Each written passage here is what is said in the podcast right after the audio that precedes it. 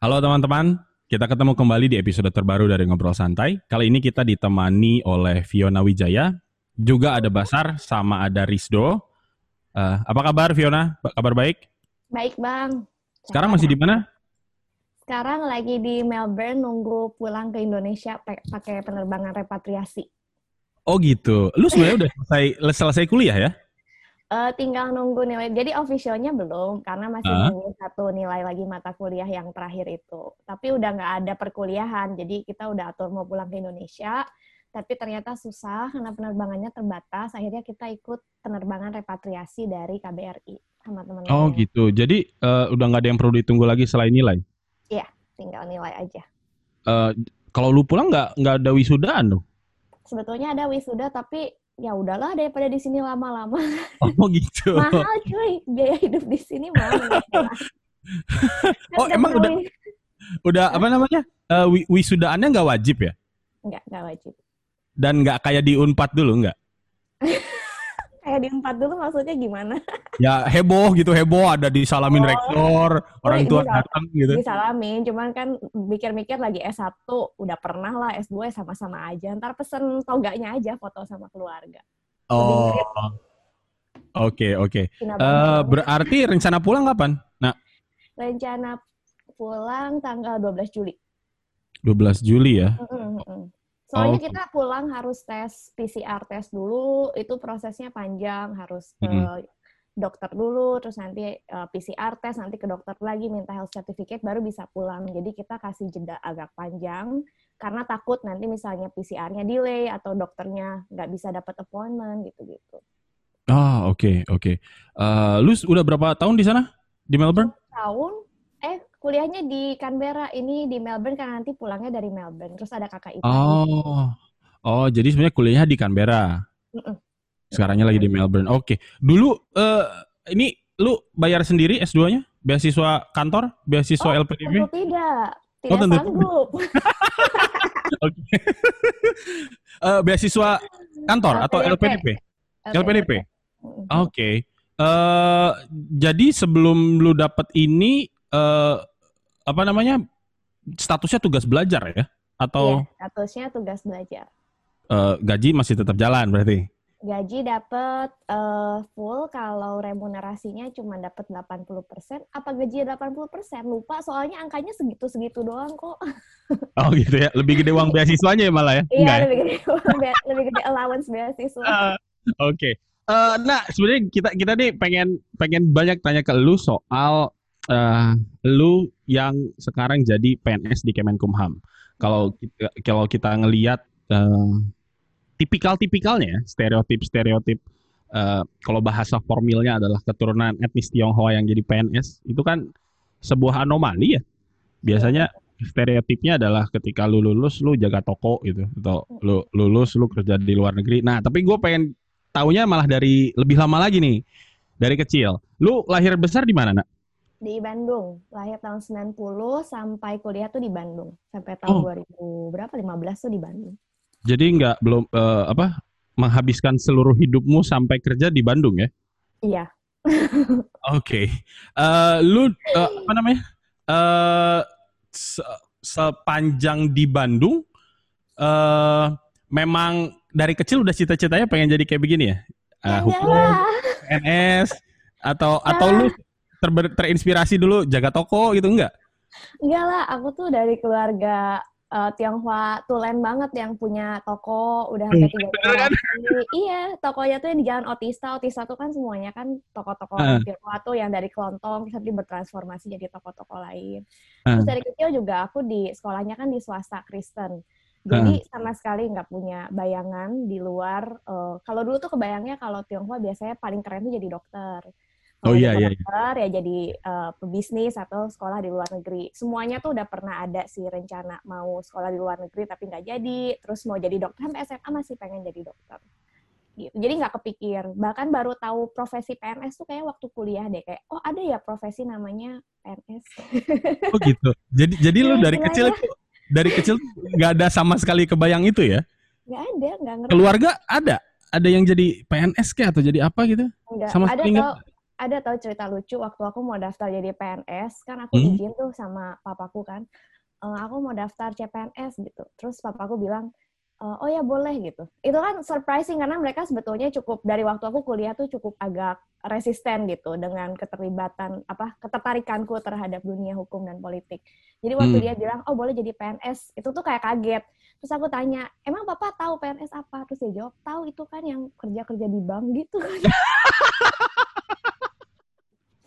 jadi mereka tuh nggak ngerti sama sekali itu tuh eh, Oke. tapi itu jadi jadi gambaran bagi aku bahwa gimana bagi orang Hmm. Tionghoa tuh itu betul-betul satu dunia yang berbeda satu dunia yang asing Hmm. tapi waktu dijelasin sih mereka ngerti dan papaku tuh istilahnya bagus waktu aku bilang bukan PNS tuh yang kerja buat negara terus dia ngomong gini oh kamu mau mengabdi buat negara mengabdi Ya, Oke. dia lebih deep justru sebetulnya pemahamannya dari sekedar bekerja tapi kalau jadi Ah. PNS tuh mengabdi katanya gitu Lu sebenarnya waktu kecil di diarahin untuk jadi sesuatu nggak sih? Biasanya Oh, nih iya ya. dong jaga Kalau orang Batak tuh, kamu kuliah besar ITB ya? Itu dari Oh. SD itu buset jauh banget kan?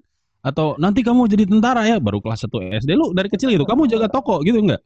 Enggak, enggak. Kalau orang tua aku lumayan enggak terlalu maksa jadi apa, tapi mereka Hmm. lebih concern sama skill. Misalnya dari kecil harus les musik gitu, harus les piano. Ah, oke aku oke. pernah di lesin balet, bayangkan ya, lagi TK.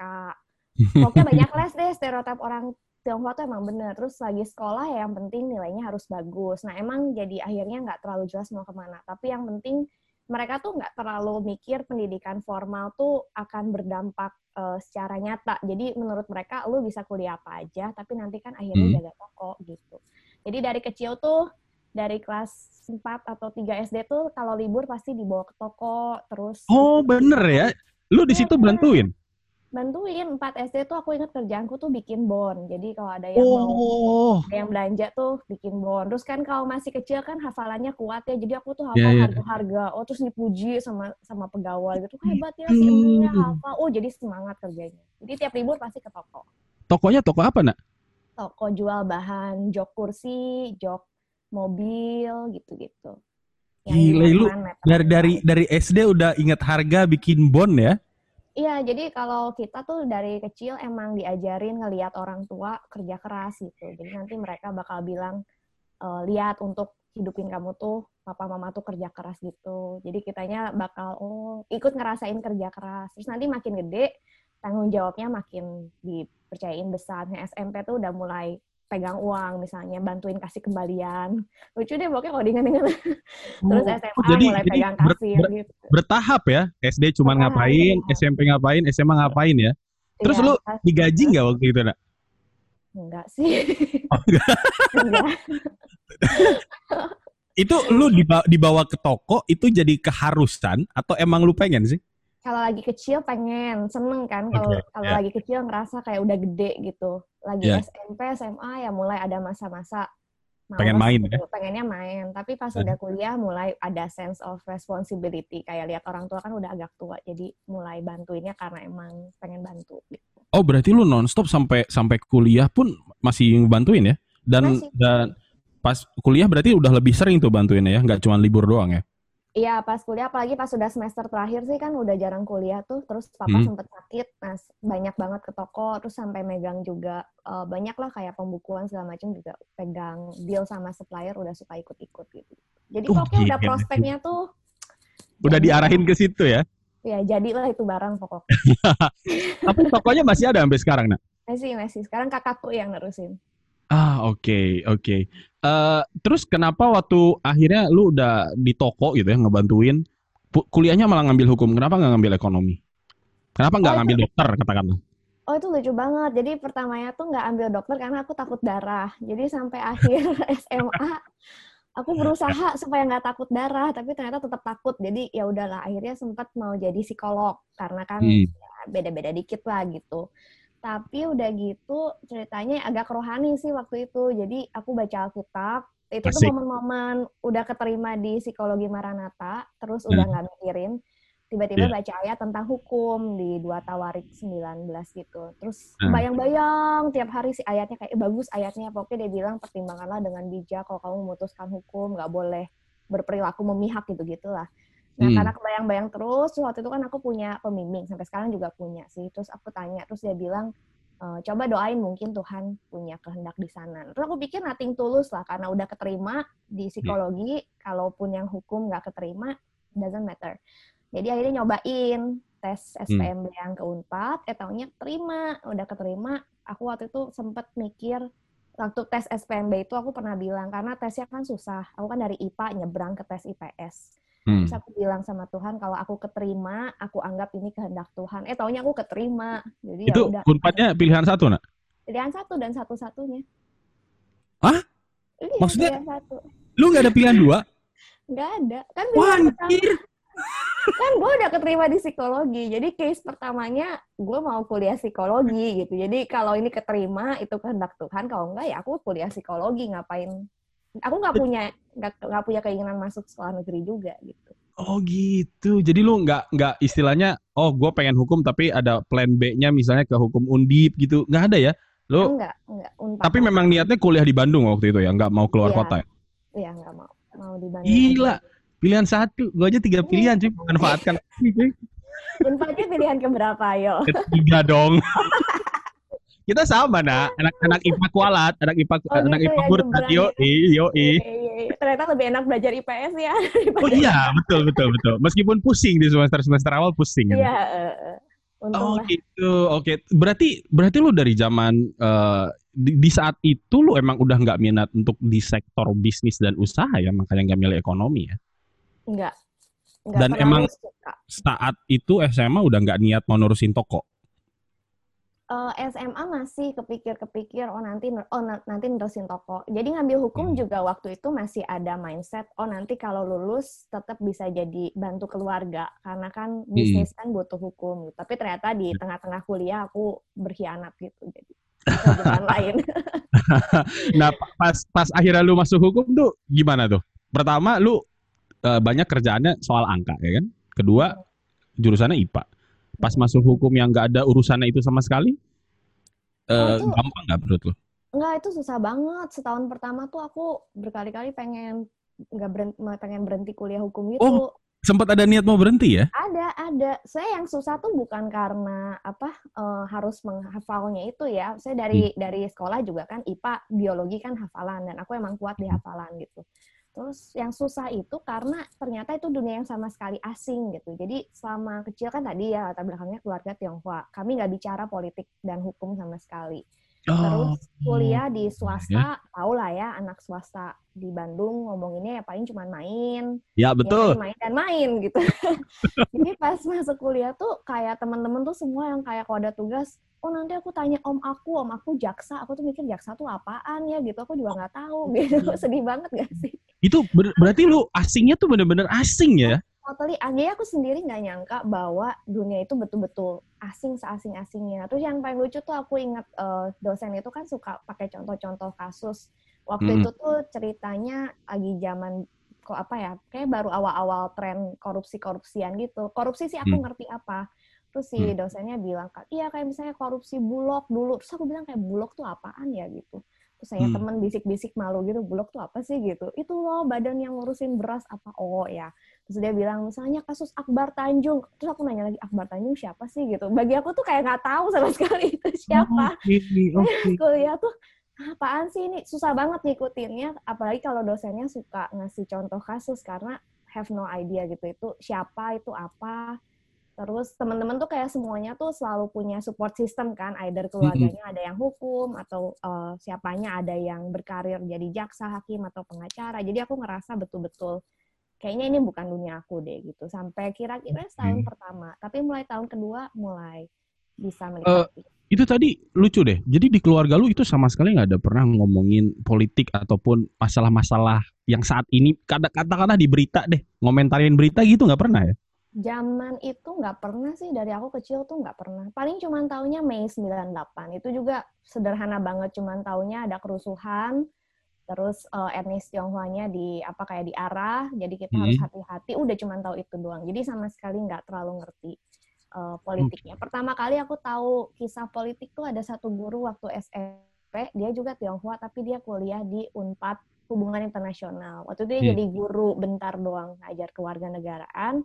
Nah, terus dia mulai waktu itu cerita soal Mei 98 tuh apa sih gitu. Jadi Hmm. adalah sedikit periode yang kayak membuka mata bahwa oh ternyata di luar dunia kita tuh ada sesuatu yang lain. Tapi karena guru itu cuma ngajar bentar, Hmm. habis itu ya ketumpuk lagi sama hal-hal yang lain gitu. Itu keluarga lu nggak ngomongin soal politik ataupun masalah-masalah terkini itu karena sibuk gitu ya ngurusin toko atau memang minatnya nggak ada? Nah, Kayaknya eh, ada pengaruh sih dari dulu kan ada kebijakan si Presiden Soeharto yang emang orang Tionghoa di apa ya semacam dikasih coveringnya udah urus urusin bisnis aja gitu nggak usah ikutin Hmm, politik segala macam. Kayaknya ada pengaruh soal itu. Soalnya hmm. belakangan papaku tuh eh, apa ya menunjukkan lah bahwa dia tuh takut gitu kalau aku mulai ngomongin hukum, mulai Hmm. ngeritik pemerintah gitu. Itu tuh dia tuh kelihatan ngomong kayak kamu hati-hati. Nanti kalau kamu hilang gimana? Jadi aku tahu bahwa Hmm. eh, orang tuaku tuh sebetulnya punya kesadaran itu. Jadi mereka mungkin menjaga itu. Tapi kemudian aku pikir setelah kebijakan itu akhirnya jadi memang terbentuk eh, kita berusaha nggak nggak terlalu mau perhatian dengan hal-hal itu. Yang penting bisa survive aja sebagai orang Tionghoa, bisa hidup enak untuk keluarga, bisa nyekolahin Oke. anak, udah gitu aja gitu. Oke oke. Nah, lu yang pas setelah mau nyerah itu akhirnya nggak menyerah itu karena apa? Karena udah mulai banyak teman kah? Atau mulai ketemu asiknya hukum itu gimana? Atau Eh, saya karena balik lagi kan pas mau nyerah tuh selalu ingat aduh tapi dulu masuk percaya ini kehendak Tuhan terus masih Oh. nyerah gitu.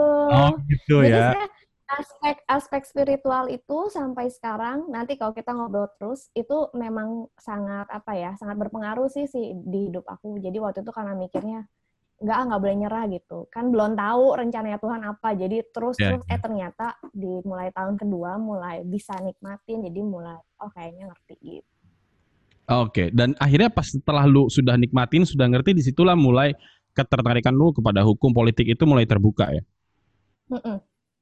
Dan dan di situlah udah mulai lebih familiar dengan isu-isu terkini dan lain sebagainya. Iya. Kalau kalau gua kan di rumah teman diskusi gua waktu zaman kuliah banyak ya, ada kakak gua, ada nyokap, ada bokap gitu ya. Nah, jadi kadang kalau lagi nggak ketemu teman, gue bisa diskusi di rumah. Nah, kalau lu ketika keluarga lu itu jarang, eh, lu akhirnya temu teman diskusi di mana?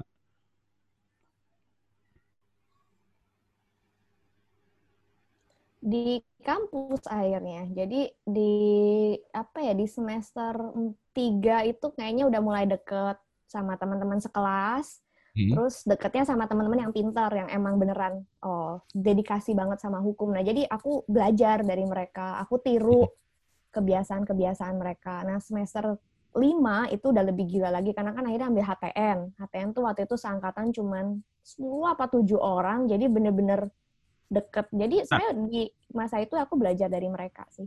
HTN, Hukum Tata Negara kan ya? Mm-mm. Itu jurusan kering bukan sih? Kering tuh maksudnya apa sih? Kering adalah pertama, ya kan? Eh, biasanya eh, orang-orang tuh milihnya kalau nggak perdata ekonomi, Mm-mm. ya kan? Terus kalau Unpad biasanya sok-sok elitnya adalah hukum internasional, ya kan? Oh, iya, Barulah iya, tuh, iya. yang lainnya tuh jurusan kelas 2 tuh biasanya tuh iya, iya, HTN, benar-benar. HAN, lingkungan, yang yang jumlah jumlah mahasiswa jurusannya nggak nyampe 10 gitu. Iya, iya benar. Lu kenapa akhirnya ngambil ke HTN? Kenapa nggak ngambil yang istilahnya lebih ya katakanlah lebih gampang cari kerja gitu di hukum ekonomi atau perdata? karena dulu kan mindsetnya kan nggak pernah mikir kuliah buat cari kerja karena kadang mikirnya ah nanti akhirnya juga jaga toko gitu jadi benar-benar kuliah itu eh, mencari Oh. apa yang gue bisa nikmatin gitu Jadi Dan meskipun lu di semester 3, semester 5 itu sudah mulai serius dengan hukum, lu tetap nggak kepikiran mau kerja di sektor itu ya? Eh, Mikirnya tetap toko. Pengen tapi terus selalu ketarik-tarik kayak bisa nggak ya bisa nggak ya gitu tapi karena karena ketidakpastian itu akhirnya aku nggak Aha. mau masa kuliah itu berlalu tanpa aku nikmatin gitu Oke. Jadi akhirnya aku milih, ah mending gue pilih yang gue suka. Dan udah pasti perdata, ekonomi tuh aku nggak suka. Bagi aku tuh susah. Bukan, bukan Kenapa- nggak kenapa- menarik. Kenapa susah dan kenapa lu lebih tertarik ke HTN? Kalau perdata nggak tahu kenapa susah aja. Baca BW tuh susah. Ngertiin BW tuh susah. Iya, Terus, iya, iya. iya. Eh, apa ya, susah gitu. Kasus-kasusnya tuh kayak, apa sih gitu, waris, nikah. Ngapain gue ngurusin rumah tangga orang gitu, males banget gitu. Terus kalau bisnis waktu itu semester 2 kayaknya eh, semester 3 semester 4 tuh belum banyak mata kuliah kekhususan ekonomi jadi nggak terbuka. Sekarang sih aku lumayan tertarik tapi lagi dulu tuh nggak tertarik. Dulu tertariknya tuh internasional sama pidana. Hmm. internasional karena keren. Nah, iyo pidana saya pidana dulu lebih dekat karena ada sense of justice karena kan dulu masuknya kan karena ayatnya bilang uh, tentang menegakkan keadilan gitu. Jadi ya, ya. dana seru gitu terus dosen-dosennya juga kayaknya tuh asik gitu challenging nah ter awalnya tuh nggak kepikir HTN tapi uh, lagi mulai semester 3 itu aku mulai kayak kalau nonton berita terus kalau lihat kayak oh kondisi negara tuh korup pemerintah tuh nggak bener aku tuh suka sedih gitu kadang sampai nangis oh. nonton berita terus ah bentar bentar lu nangis lihat berita iya. korup gitu wajib iya, gila kan Oke. Okay.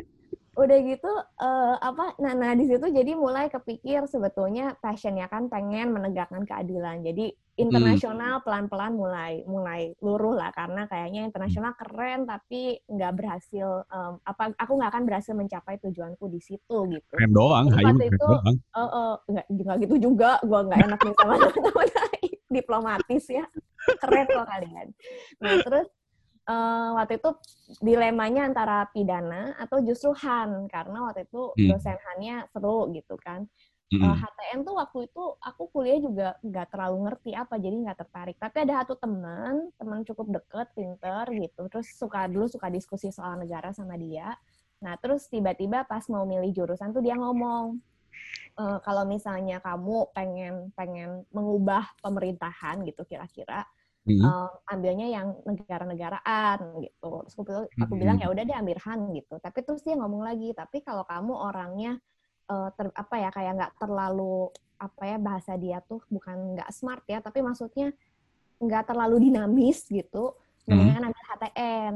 Nah, karena aku oh, ngerasa aku tuh nggak secemerlang itu, nggak sedinamis itu, jadi akhirnya aku ambil HTN. Jadi maksud HTN juga nggak dengan base HTN yang kuat, karena nggak terlalu suka awalnya. Jadi oh, itu gitu. petualanganku tuh agak... Akhirnya kayak, setelah masuk gimana tuh? Sama, lagi mas semester pertama lagi? masuk, semester pertama yang semester lima itu kan cuma bersepuluh tuh. Terus mm -hmm. aku tuh tujuh di antara sepuluh orang itu, itu udah pernah ikut kompetisi-kompetisi debat. Jadi okay. kalau di kelas tuh shock banget karena cuma udah cuma sedikit. Terus aku ingat tuh ada satu kelas, begitu dibilang siapa yang mau bertanya, biasa kan kalau di kelas lain kan dikit yang ng yang ngacung ya.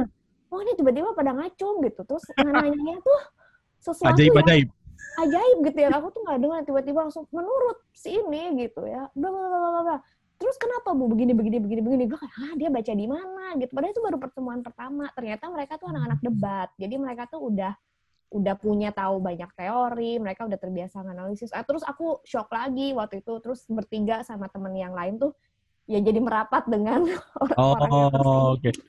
Kan, kan kalau teman-teman lo yang lain tuh sering debat ya, sering ikutan kompetisi debat. Nah, lu berarti yeah. sampai masuk uh, uh, konsentrasi H HTN, lu selama dua tahun kegiatan di kampus emang ngapain? Oh, Cuman, PMK dong. Eh, PMK. Tuh, lihat Bang Riza sampai ketawa kan.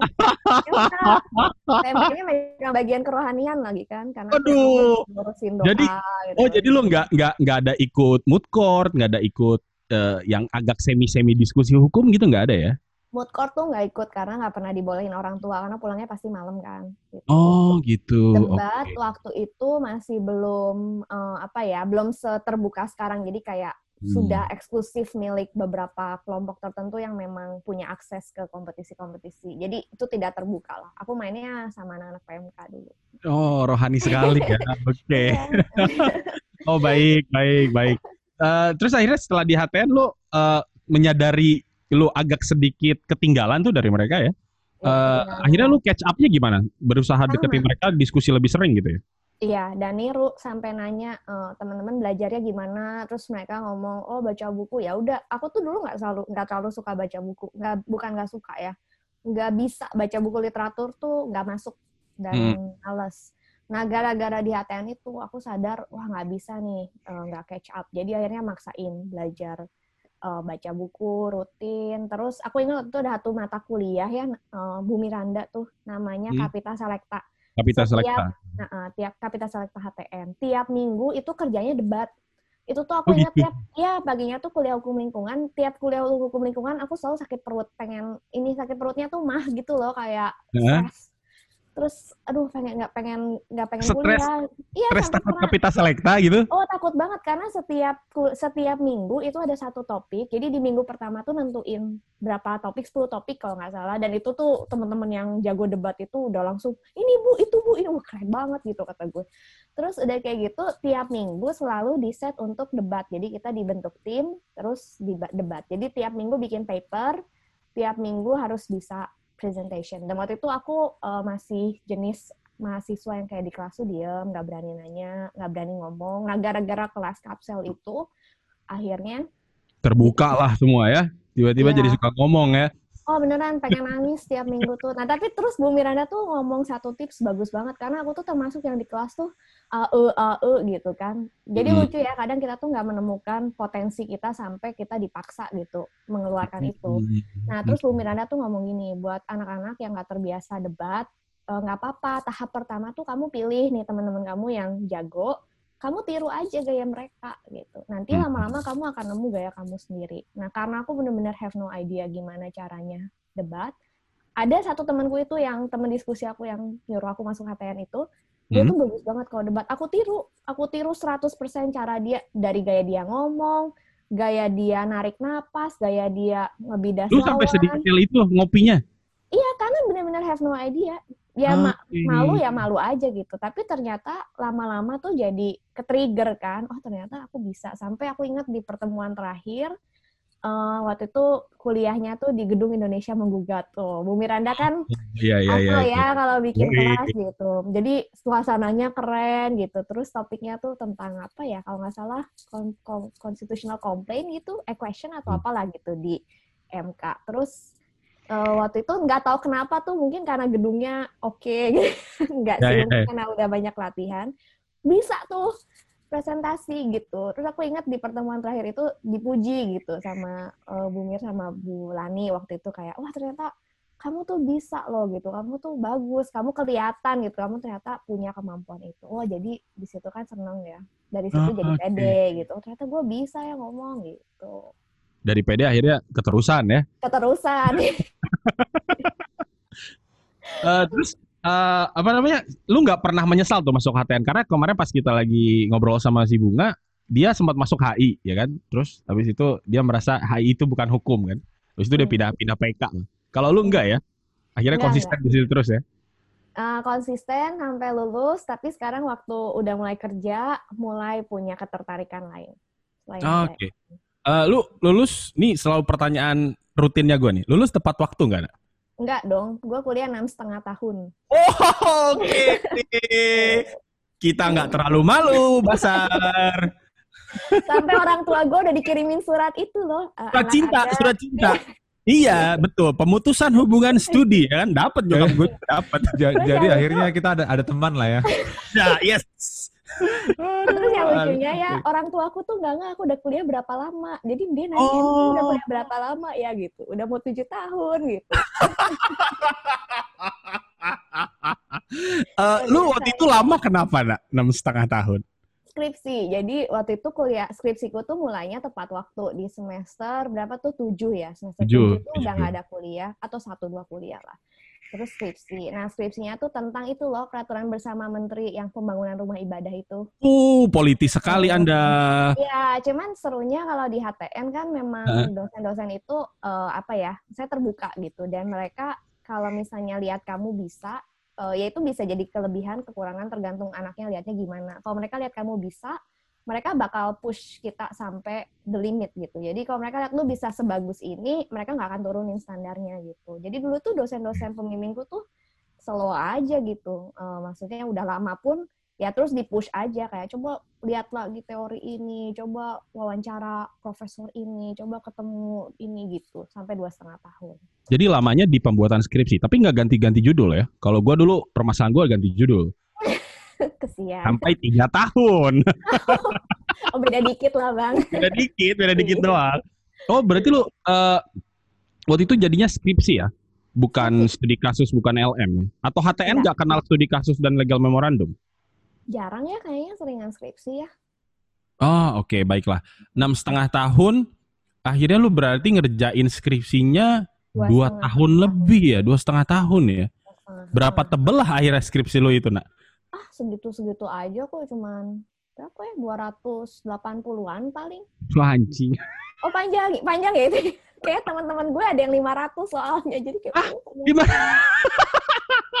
gua, gua, gua aja waktu itu 150 berapa udah merasa anjir ini tebel banget anjir. Gua so tapi ya. banget. temenku yang skripsinya ya itu aku tuh dipertemukan dengan orang-orang yang mungkin sebetulnya emang bener-bener jenius gitu ya jadi Oh, Oke. eh, akhirnya tuh jadi standarnya tuh jadi tinggi banget dan aku jadi Oh. merasa aku tuh nggak ada Oh dan pembimbing lu nggak keberatan segitu lama ya?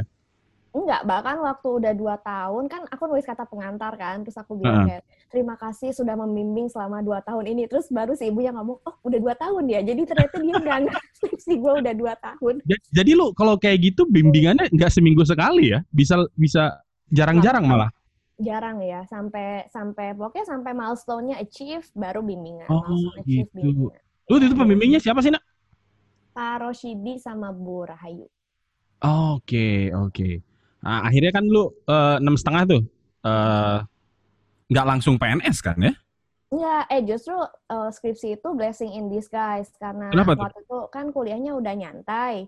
Mm-mm. Jadi akhirnya aku sempat serabutan kerja di mana-mana, pernah pernah part time, bukan part time ya, pernah eh, relawan di Institut Lemena tuh yang sampai ke daerah-daerah bikin pelatihan. Itu karena skripsinya kan lama, jadi kadang tuh nganggur nungguin jadwal wawancara pejabat lama, jadi akhirnya ikut Institut Oh, Lemena ke daerah. Oke. Terus sempat jadi guru di Ah, SMA. jadi guru? Mm, Guru apa? PKN. Oh, itu itu jalur profesi anak hukum banget ya PKN ya. Lagi kan Di pelajarannya di di SMA mana? di SMA SMA Kalam Kudus sama SMA BPK Holis 2 tahun Di ya. SMA mana? Ngeheng ya. Kalam Kudus. Dua tahun jadi guru, ngajarin Pancasila dan ngajarin Pancasila dan kewarganegaraan ya. Iya, seru loh ngajar Itu anak itu SMA. pengalamannya menurut lu gimana? Seru, menarik atau membosankan? seru banget. Ter- Terus eh, waktu itu kan apa? Gue emang punya hati buat anak muda juga kan. Jadi Mm-mm. masih suka nge-PA-in anak-anak gitu. Jadi di sekolah tuh ya sekalian ngajarin PKN, kadang juga ngebimbing kerohanian gitu. Oh gitu. Ke- Kenapa kenapa waktu itu memilih untuk ngajar di SMA? Nak? Karena apa ya lupa. Kenapa ya? waktu itu ada temen guru di Nah. sana yang ngomong eh ada lowongan kan aku agak nganggur-nganggur gitu kan penampakannya jadi eh, mau nggak ngajar gitu terus karena aku seneng sama anak SMA mikir, eh udahlah ayolah gitu ya udah jadi ngajar sambil ya sambil ngisi waktu Lu eh, guru PKN ada yang harus lu pelajari baru nggak atau mo- lu modal selama kuliah hukum aja tuh? Modal selama kuliah hukum soalnya mata kuliah mata eh mata kuliah mata pelajarannya tuh semuanya topik HTN sistem pemerintahan hak asasi Oh, manusia iya, iya, terus iya, iya. pancasila itu kan kayak bahan-bahan kita gitu Oke, jadi eh, lu eh, setelah eh, pas lagi belum lulus udah sempat ngajar ya? Mm-mm. Pas udah lulus masih ngajar juga?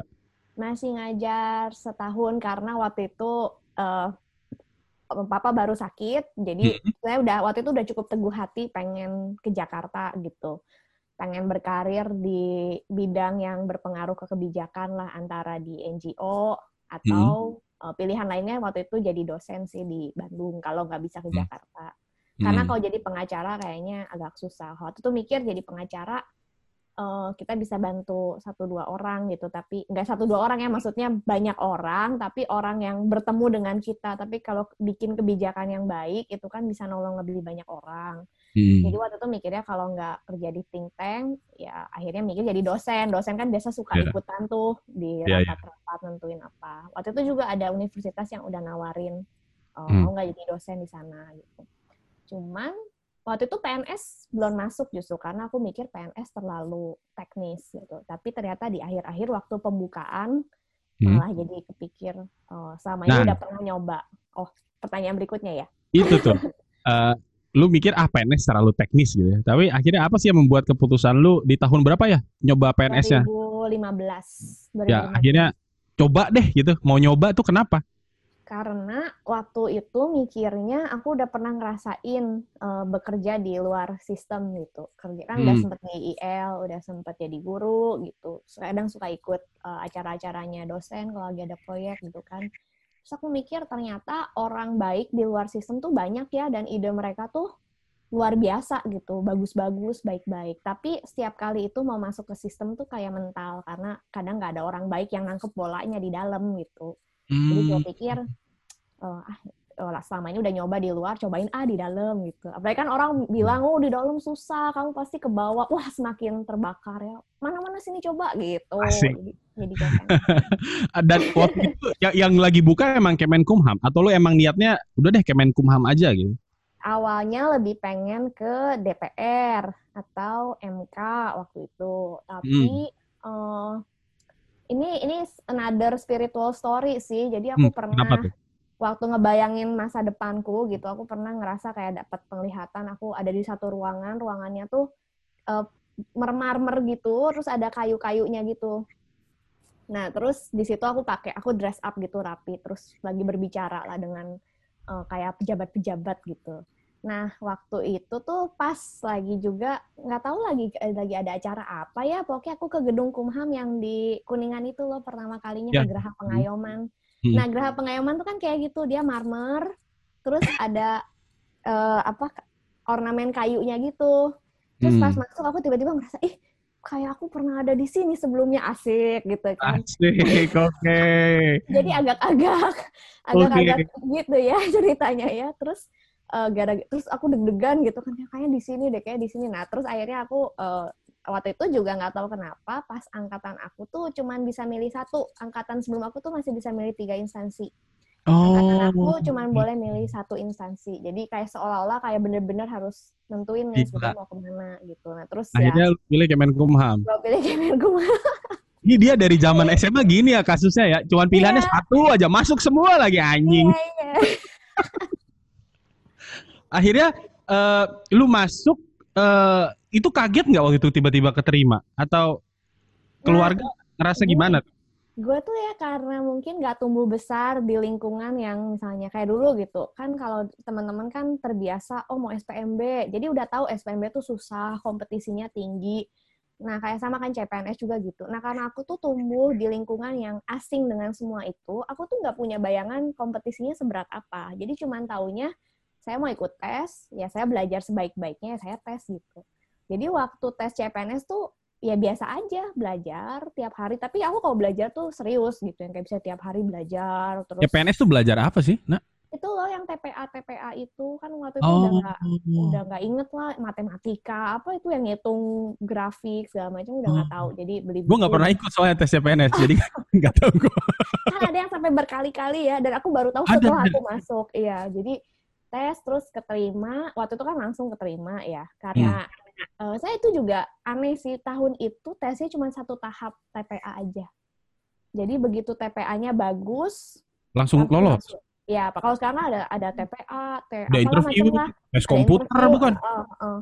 Nah, zaman aku tuh cuma sekali. Jadi begitu. Dan aku kan cukup kuat gitu kalau untuk tes-tes yang sifatnya uh, kayak gitu mah bisa gitu masuk nah udah masuk tuh biasa aja gitu keterima kayak oh keterima ah ya udahlah emang udah jalannya Tuhan gitu kan selalu mikirnya hmm. gitu orang tua yeah, juga yeah. karena keluarga tidak merasa itu uh, apa profesi yang bonafit keluarga hmm. juga biasa aja malah agak hmm. agak agak konsisten iya kayak aduh keterima gimana nih gitu tapi ya padahal padahal kalau di Batak tuh udah dibangga banggain loh iya iya jadi dia CPNS cuy aku tuh nggak ngalamin sama sekali euforia Oh, apa, iya iya iya. Gitu, enggak, bagi aku tuh bener-bener bener kata bapakku itu tuh kayak profesi mengabdi gitu.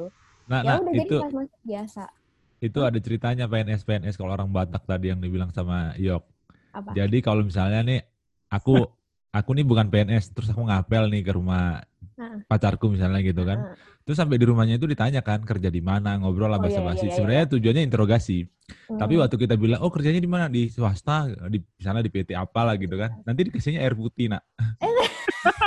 Begitu tapi kalau, masuk tapi kasih teh manis ya. Uh, kasih teh manis sama martabak. oh, ada martabaknya. Iya gitu. Jadi tapi itu joke ya, itu joke joke, joke orang Batak tapi uh, itu uh, apa ya bisa dibilang benar juga sebagian besar memperlakukan seperti itu. Itulah betapa eh, ini, ini betapa beda agungnya berartinya PNS itu buat orang Batak. Gitu. Beda, beda banget ya. Beda, beda banget ya. Iya. Okay. Bahkan setelah aku kerja tuh aku inget terus pernah satu kali aku mau traktir orang tua aku ceritanya padahal kan gajinya waktu itu masih kayak 1,9 kayaknya karena hmm. masih CPNS. Iya, yeah, iya. Yeah. Tapi karena aku udah terbiasa gaji kecil kan jadi guru juga dulu gajinya cuma berapa 600 ribu paling atau 700 ribu hmm. gitu. Hmm. Terus uh, bisa lah mau traktir papa cerita terus dia ngomong ini, udah udah nggak usah berapa gaji kamu? Uh, 1,9. Oh sama pegawai papa juga gedean gaji gaji gitu katanya sama pegawai toko gedean gaji pegawai toko ya? Ketawain aku sama papaku gitu. Terus ya, aku bilang tapi itu masih masih semen aku bilang membela diri masih 80 persen nanti 100 persen lebih besar tapi cuma 2,3 ya udah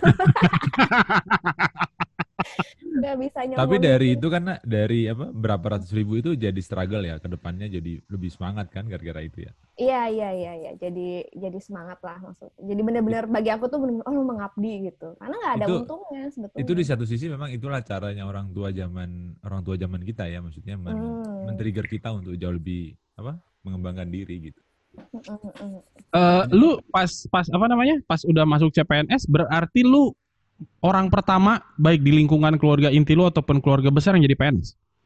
Keluarga inti, iya. Keluarga besar, kayaknya iya juga. Jadi di keluarga lu yang istilahnya sepupu jauh gitu, nggak ada yang pernah lu kenal jadi PNS, tentara, polisi gitu nggak ada ya? Enggak, enggak. Tapi ada lah ya orang-orang yang uh, istilahnya tuh dekat sama misalnya orang penting kan ada aja ya kalau di orang Tionghoa gitu. Ya, ada. Ya, ya. Tapi mereka nggak pernah mau uh, masuk ke dalam tuh nggak lah bagi mereka tuh susah gitu ribet. Oke, okay. uh, setelah akhirnya lu masuk, uh, lu di lingkungan di dalamnya ada mungkin perlakuan berbeda nggak? Atau sebenarnya hal itu sudah nggak ada sih? Uh, kalau kata aku sih perlakuan berbeda tergantung kita mau membawa dirinya kayak gimana. Hmm, Oke. Okay. Tapi kalau ditanya sering, jadi pernah ya dulu pasti kalau orang nanya gini sekarang menurut aku orang ngomong udah halus sih. Dari pas aku hmm. masuk yang ditanya pasti oh uh, Mbak Fiona asli mana? Gitu. Oh asli mana ya iya. bahasanya ya, ya aku okay. jawab aja asli Bandung gitu kan. Terus oh uh, dari Bandung? Iya dari Bandung. Orang tua dari Bandung juga? Iya dari Bandung. Emang orang tua gue lahir di Bandung gitu kan tapi nanti biasa udah gemes gitu kan akhirnya yeah, nanya yeah, gitu e, ada keturunan? Gitu. Gue bilang oh iya bukan cuma ada keturunan emang orang tua saya tulen Tionghoa gitu kan dua-duanya. Nah terus biasanya kan itu jadi pembuka percakapan kayak oh kenapa mau jadi PNS jarang ya. Nah bagi aku itu uh, sampai sekarang aku sangat hmm. menghargai pertanyaan-pertanyaan itu karena itu membuka momen untuk uh, bagi aku tuh apa ya ruang perjumpaan lah gitu menceritakan. Nah sekarang lu pernah nggak ketemu ada ASN yang Cina juga? Ada. Sekarang kayaknya lumayan banyak kok. Banyak tuh maksud aku dua tiga orang gitu banyak. itu udah hitungannya banyak ya, udah yeah. hitungan banyak ya. itu lu ketemunya di mana? Kemenkumham atau instansi lain?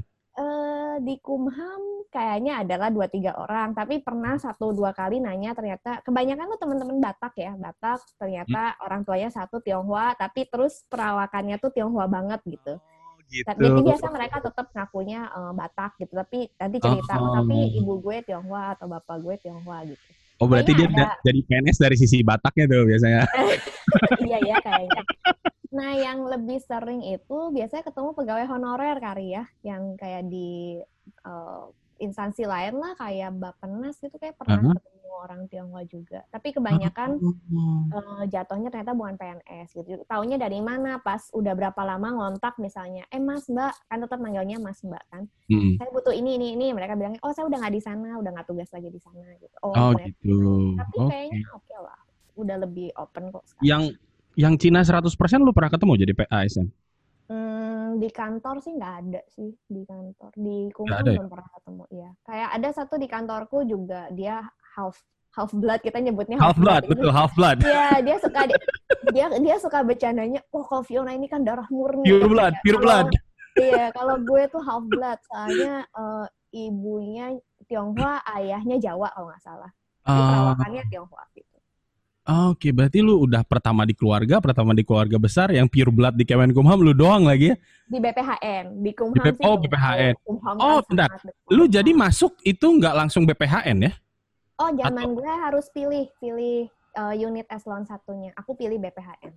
Oh, boleh milih atau boleh. atau setelah milih ditentuin lagi sama kantor? Enggak, kita yang milih. Milih formasi terus milih unit. Jadi aku sengaja Oh, oke. Okay. Ken kenapa BPHN? Nah, kan kering juga itu. Lu milihnya yang kering-kering dari dulu ya? ATN, BPHN. Mungkin itu tuh apa ya antara kepolosan atau gimana? Aku tuh nggak tahu gitu bahwa BPHN tuh sekering itu gitu. Aku tuh Iya, iya, iya, oke, ya, oke. Sama kayak milih HTN tuh, I have no idea HTN tuh sebetulnya tidak populer gitu. So, Pokoknya aku selalu milih semata-mata karena aku interest, aku suka, aku ngerasa itu bisa mencapai tujuanku gitu. Jadi okay. BPHN kan terkenal dari dulu kayak think tanknya Kumham. Zaman dulu kan ada zaman kejayaannya juga. Terus ingat uh -huh. dulu ada dosen yang sering ngomongin Bu Sunaryati Hartono, itu kan ternyata pernah hmm. jadi kepala BPHN. Kepala BPHN. Nah, itu, iya dulu pilihannya antara dua. Kalau nggak BPHN ya di JNPP kalau yang lain nggak oh. nyambung sama sama uh, apa uh, visi yang, pribadinya gitu. Yang lain lebih nggak kering tuh nak. Hmm, Dirjen ya. Ahu ya kan. ya tapi kerjanya nggak seru gitu loh. Nah ini ini untungnya kenapa sih Iyok nggak jadi PNS nak? Dia carinya yang dia carinya yang baca-baca terus kan kacau nak. Iya iya iya. Iya itu sering kali nggak jadi pertimbangan nih sampai sekarang jadi ya nggak tahu bentukannya emang gini nih. Uh, tapi kalau lu udah di BPHN milih, itu akan seterusnya di situ ya, atau bisa pindah? Atau bisa. tergantung kantor? Pindah bisa tuh lu mengajukan atau ditugaskan? Bisa mengajukan, bisa ditugaskan. Oh, oke okay, oke. Okay. Uh, berarti lu sekarang di BPHN udah apa nih uh, statusnya?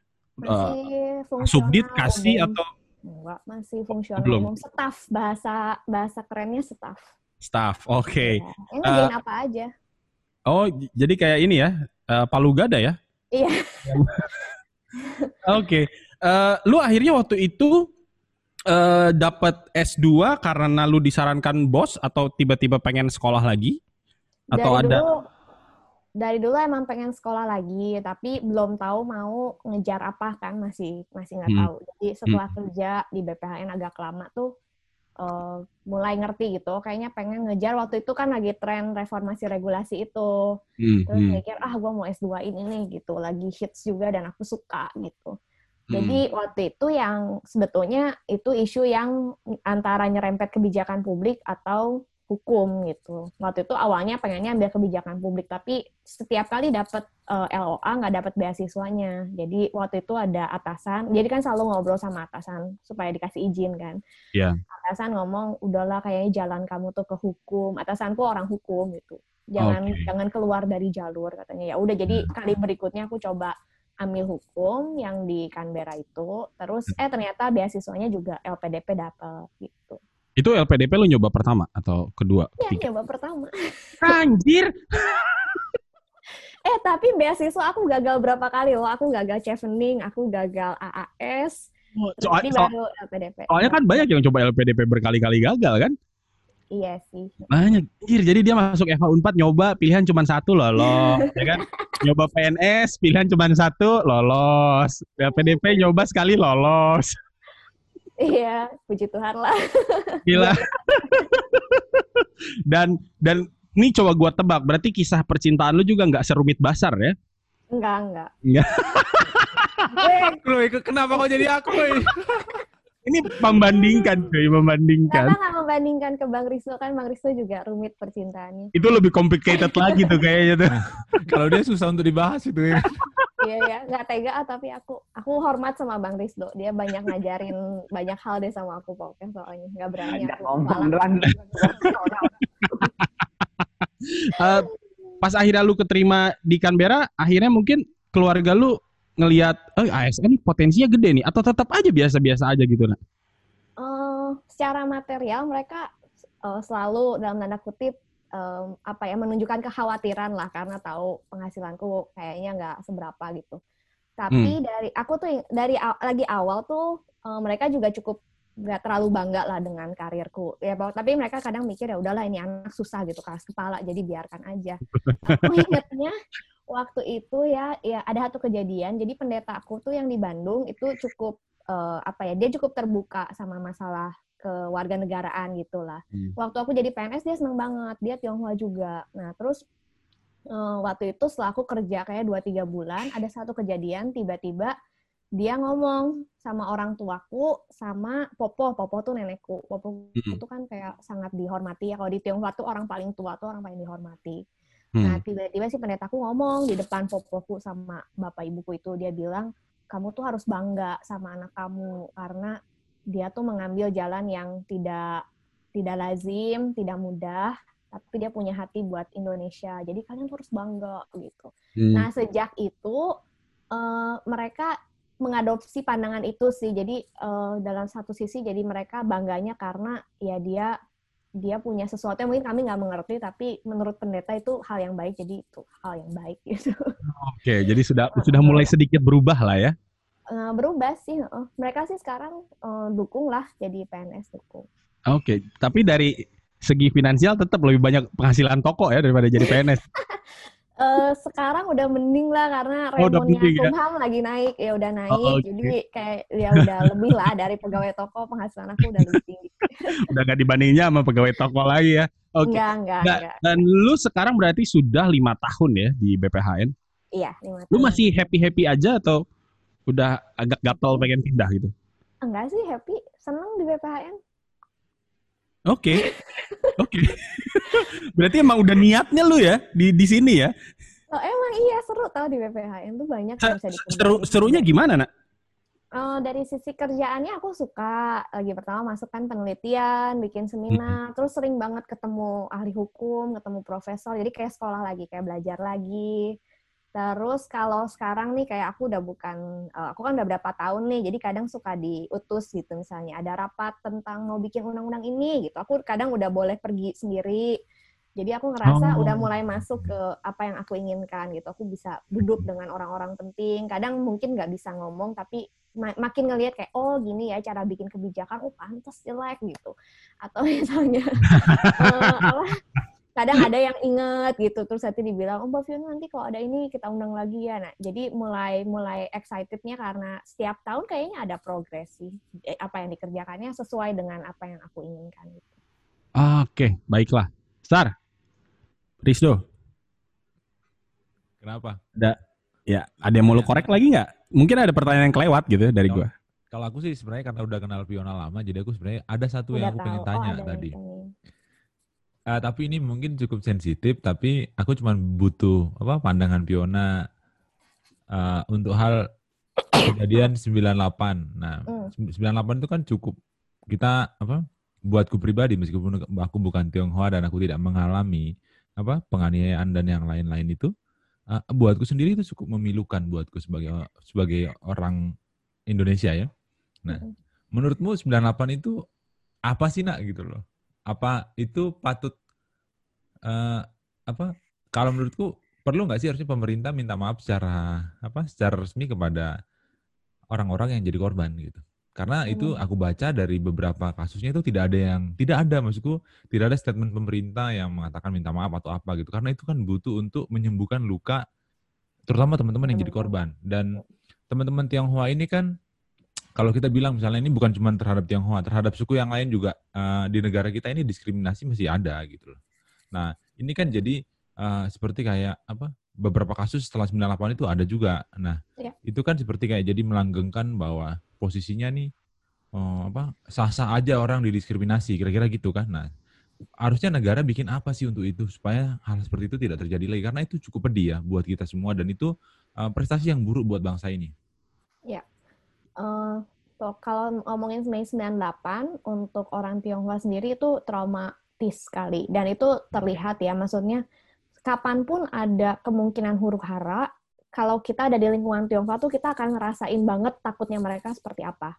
Jadi nggak selalu harus huru hara yang apa ya, misalnya terkait langsung dengan Tionghoa gitu ya. Misalnya pas kasus Ahok itu udah pasti semua orang Tionghoa takut karena merasa kami diidentifikasikan dengan dia. Jadi kalau dia kena apa-apa kami pasti kena. Tapi kayak huru hara cuman misalnya soal pemilu gitu.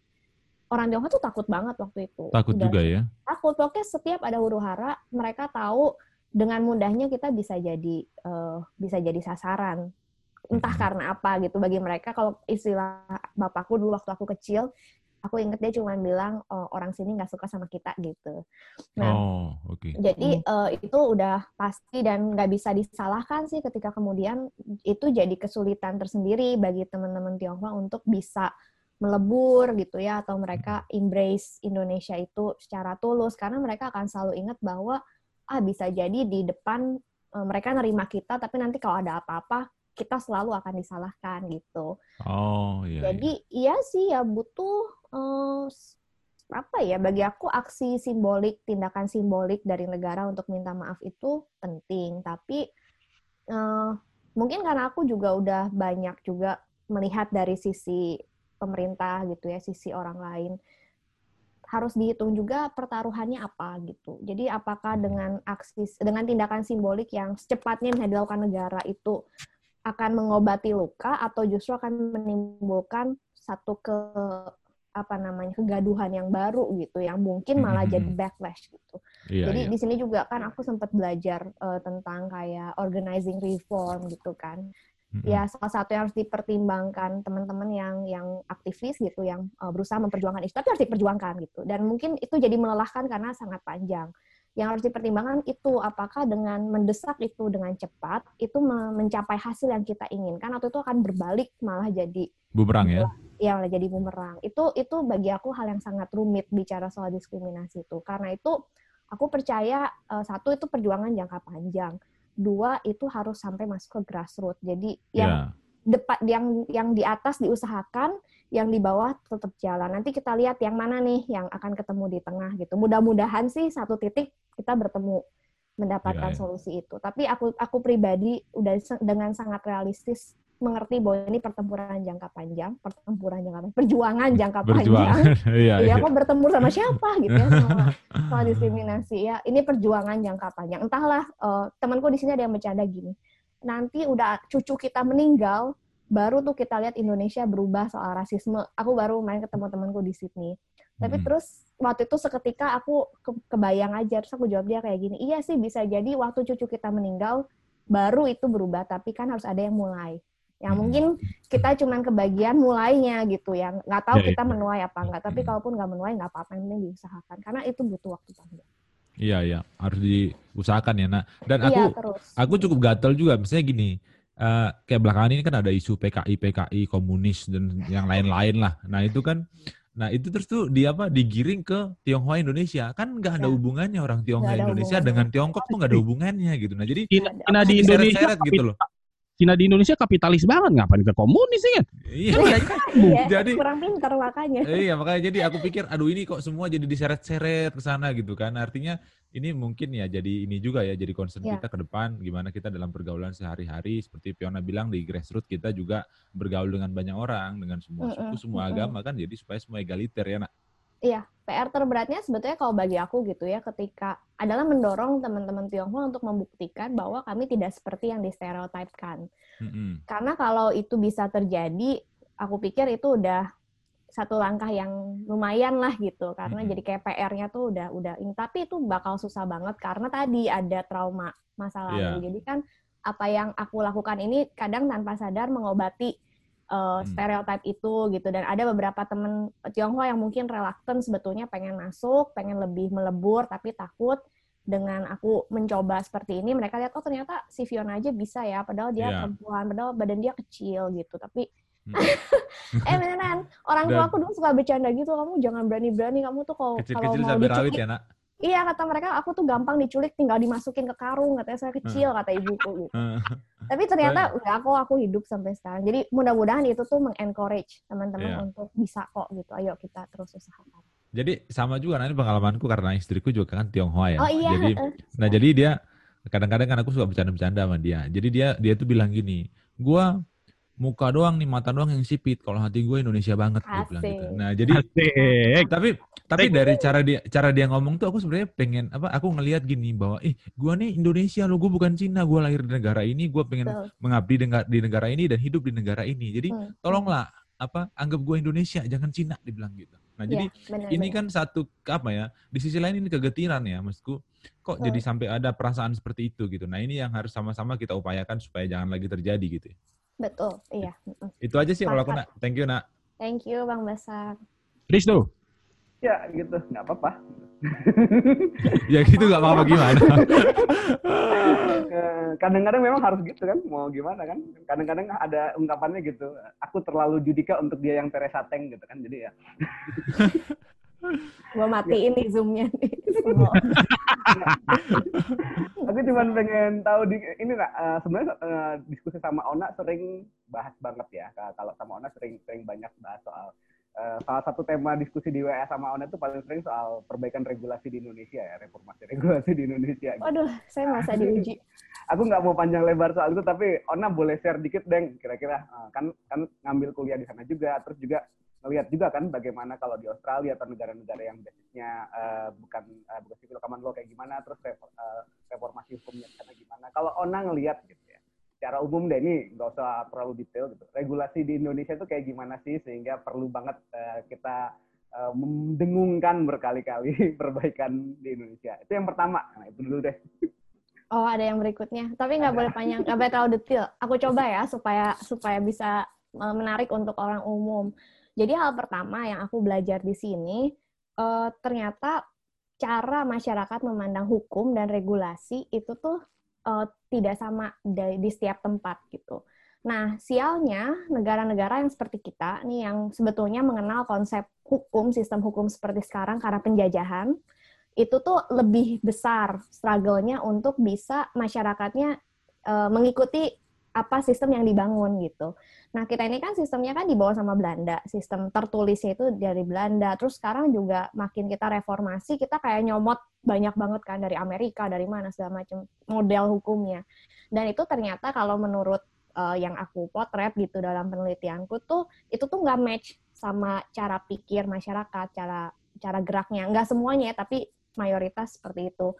Makanya ketika ngomongin problem regulasi, di kita tuh jadi uh, agak beda sama di luar negeri gitu. Makanya pendekatan luar negeri nggak selalu bisa nggak bisa dicapai di sini. Misalnya di luar negeri bagi mereka regulasi itu ya sederhana gitu kan. Uh, kalau mau kalau mau dikecilkan nggak dipotong gitu. Tapi di sini tuh di kita tuh susah gitu. Uang tertulis aja nggak diikuti gitu kan. Kalau dipotong malah jadi wah makin hebring gitu ke mana-mana. Tapi kalau misalnya nggak dipotong pun kebanyakan. Nah makanya uh, di Indonesia tuh masalahnya kompleks sekali gitu. Apa yang harus di apa yang harus dibenahi lebih dulu. Tapi yang pasti regulasi kita bermasalah gitu. Salah satunya di kita punya pola pikir yang ini sebetulnya juga pernah disebut sama Mohtar Lubis gitu.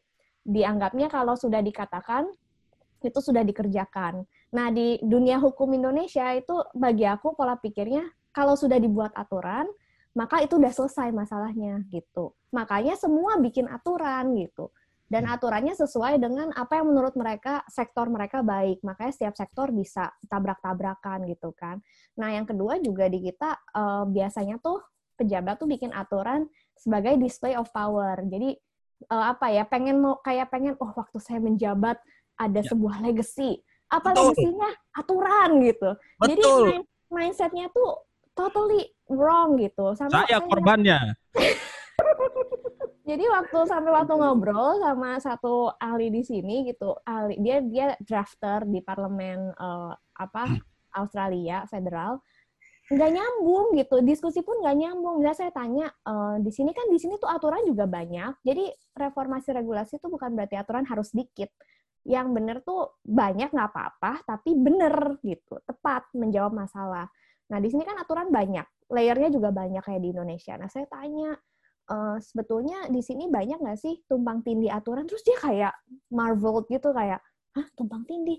Nggak mungkin tumpang tindih atau dia. Di sini tuh orang tuh kalau bikin aturan tuh sangat berhati-hati gitu ya.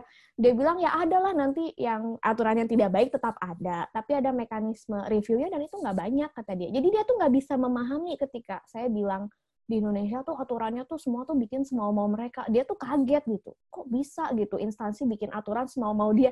Kan udah nggak nyambung gitu. Jadi dari mindsetnya aja nggak nyambung, nggak mungkin kita copy paste caranya mereka gitu. Tapi saya belajar cara-cara mereka seperti apa. Nah di situ sebetulnya jadi uh, membuka kotak Pandora yang baru gitu. Bagaimana PR-nya kita serius membenahi cara pandang terhadap hukum itu gitu. Kalau cara pandangnya nggak benar, mau hukumnya secanggih apa, sistemnya secanggih apa, instansinya secanggih apa, nggak match gitu. Orang akan selalu pakai cara lain gitu untuk membuat itu bekerja. Gitu.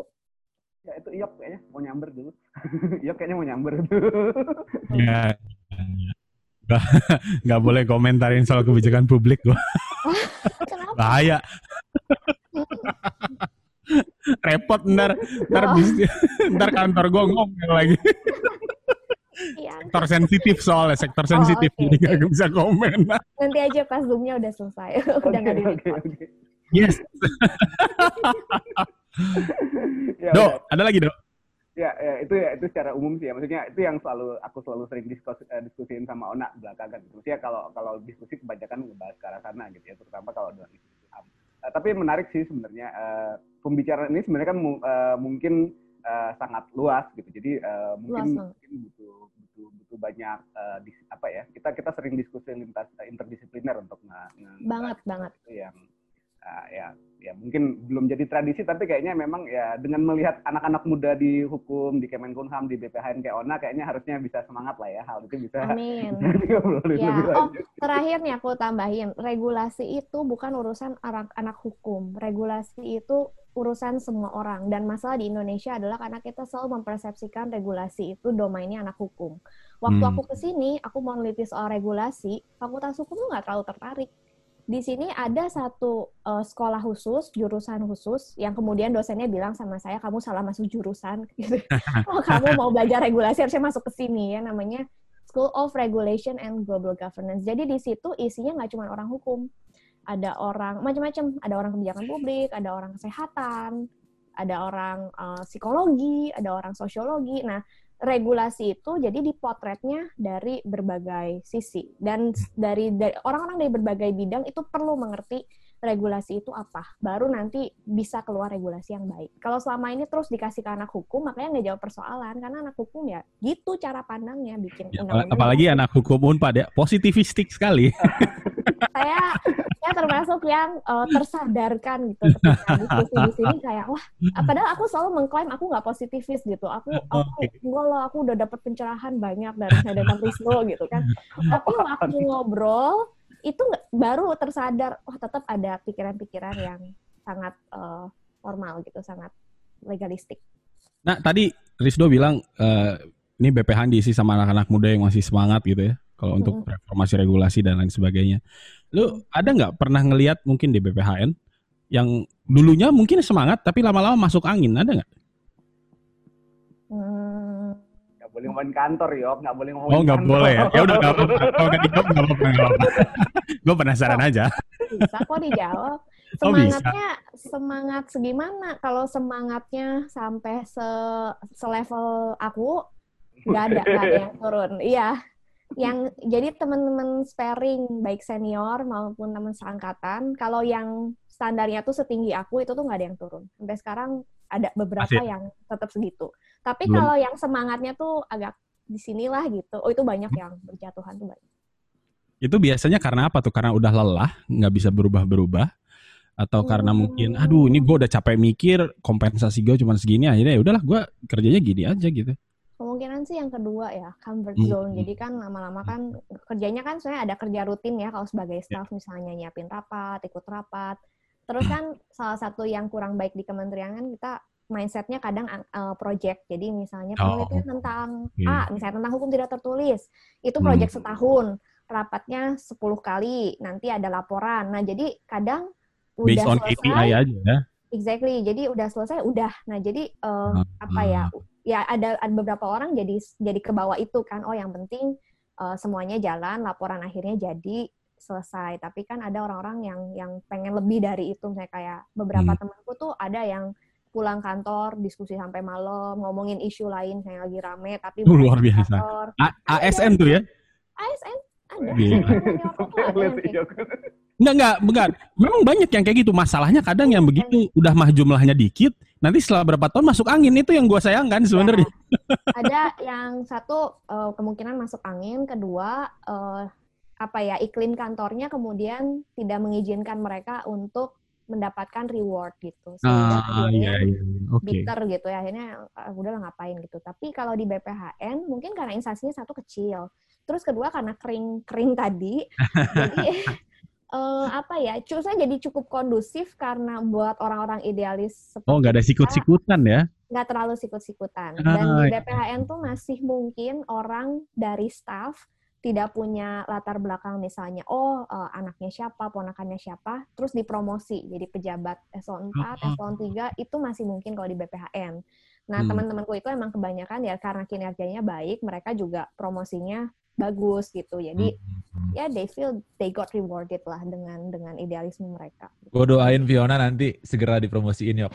Oh iya. Ya, jadi jadi oh, pertama kepala BPHN ya. Amin. eh, tapi kalau kepala BPHN itu karir atau polit politis, nak? Karir ya? Jauh ini kita pernah punya yang karir dan bagus banget. Kita pernah hmm. punya yang politik. Ada yang oh. ada yang jalur politik bagus, ada yang jalur politik jelek. Oke. Okay. Sar, Rizdo, ada lagi yang mau dikorek? Ya, uh, tadi kan ngomong soal itu kan kadang-kadang juga masalahnya karena ya udah berkeluarga yo, udah punya anak. Oh iya, betul betul. Kamu, oh gitu. iya iya benar benar benar. Betul, nah, betul, betul. sendiri gimana nih setelah merasakan gitu? eh tapi kan masih di luar ya, jadi belum belum yeah, belum belum belum ngerasain punya anak di Indonesia direcokin orang-orang lain gitu. Terus mungkin yang nggak apple to apple-nya karena aku perempuan. Biasa kan kalau yang pria kan lebih ada tekanan ya karena dia breadwinner gitu. Jadi ya, akhirnya betul. ngerasa harus kompromi supaya karirnya naik. Kalau aku kan perempuan gitu. Terus jadi beban mungkin ada di suami. Oh enggak ya. Tapi aku juga beruntung ya karena suami orangnya ya 11-12 lah. Jadi ya kita agak-agak nekat. Ketika punya anak ada sih uh, kekhawatiran-kekhawatiran kayak aduh kalau kita kayak gini terus tuh nah kita bisa hidup nggak ya, tercukupi nggak ya. Tapi ya tadi kalau bagi kami berdua aspek spiritual itu yang membantu. Akhirnya mikir enggak lah nggak mungkin Tuhan udah bawa sejauh ini. Terus nanti uh, ketika kita terus berjuang buat hal yang baik masa nggak di masa sih nggak ditolong gitu. Oke, okay, siap. Rizdo, Basar ada lagi? Uh, aku sih satu lagi. Apa sih statement Fiona tentang nasionalisme? Itu aja sih yang terakhir dari aku. aduh, aduh, aduh. Karena karena buat gua Fiona nih orangnya cukup nasional apa nasionalismenya tinggi yo. Karena lu oh, bayangin oh gitu. ya, lu bayangin gak kayak pertama. gua ya, kayak gua ya. Nah, kalau lu kalau lu kapitalis sejati, lu bayangin, lu bayangin dia tuh yang sederhana aja kita lihat ya dia Tionghoa tapi dia mau jadi ASN yok. Itu tuh nggak semua orang punya value yang seperti itu. Kayak betul, kita betul. aja nih kita yang apa, yang Batak begini, lu nggak mau kan jadi PNS, gua aja nggak mau. itu sih nak. Apa ya susah ya nasionalisme. Ada Bang Rizdo nih, aku takut kalau ngomong aja nanti marahin dia. Konsep abstrak nanti suka dibilang apa gitu. Hmm bagi aku sih sederhana sih kalau nasionalisme itu kan berarti kita cinta sama tanah air gitu dan uh, rasa cinta itu sebenarnya akan terwujud dari tindakan gitu. Yeah. Tentu nggak semua orang yang bilang cinta Indonesia harus jadi ASN. Sebetulnya yang penting mengusahakan apa aja yang kita bisa untuk uh, kebaikan bangsa gitu. Aku ingat dulu uh, Bang Yanes David tuh yang anak ITB punya satu ilustrasi yang bagus ya bilang kalau ibarat Indonesia tuh punya masalah sebesar gajah ya hmm. kita semua makanin kecil-kecil gitu. Tapi kalau semua makanin kecil-kecil, insya Allah gitu kan si gajahnya akan ngecil-ngecil kecil gitu. Jadi eh, nggak uh, bisa diukur dari misalnya kalau kayak aku kan ekstrim ya, oh dalam tanda kutip meninggalkan uh, kemapanan hidup Tionghoa jadi PNS. Nggak harus nggak harus dramatis dramatis gitu sih menurut aku. Apa pun yang kita lakukan sejauh itu bisa bagus membangun bangsa di bidang masing-masing itu nasionalisme. Oke, okay, sip. Mantap, Siap. Thank you. Lagi, Rizdo, Masar, habis? Siap. Habis, habis. Oke, okay, uh, thank you Fiona udah meluangkan waktunya meskipun lagi ngurus keberangkatan pulang ke Indonesia. Semoga lancar ya nanti bulan ya. Juli pulangnya dan ya, tetap sehat, ya. tetap aman. Semoga nggak ada kenapa-kenapa. Buat teman-teman yang lain, terima kasih juga udah pantengin vokal. Kita ketemu lagi di episode terbaru dari Ngobrol Santai di minggu-minggu berikutnya. Terima kasih.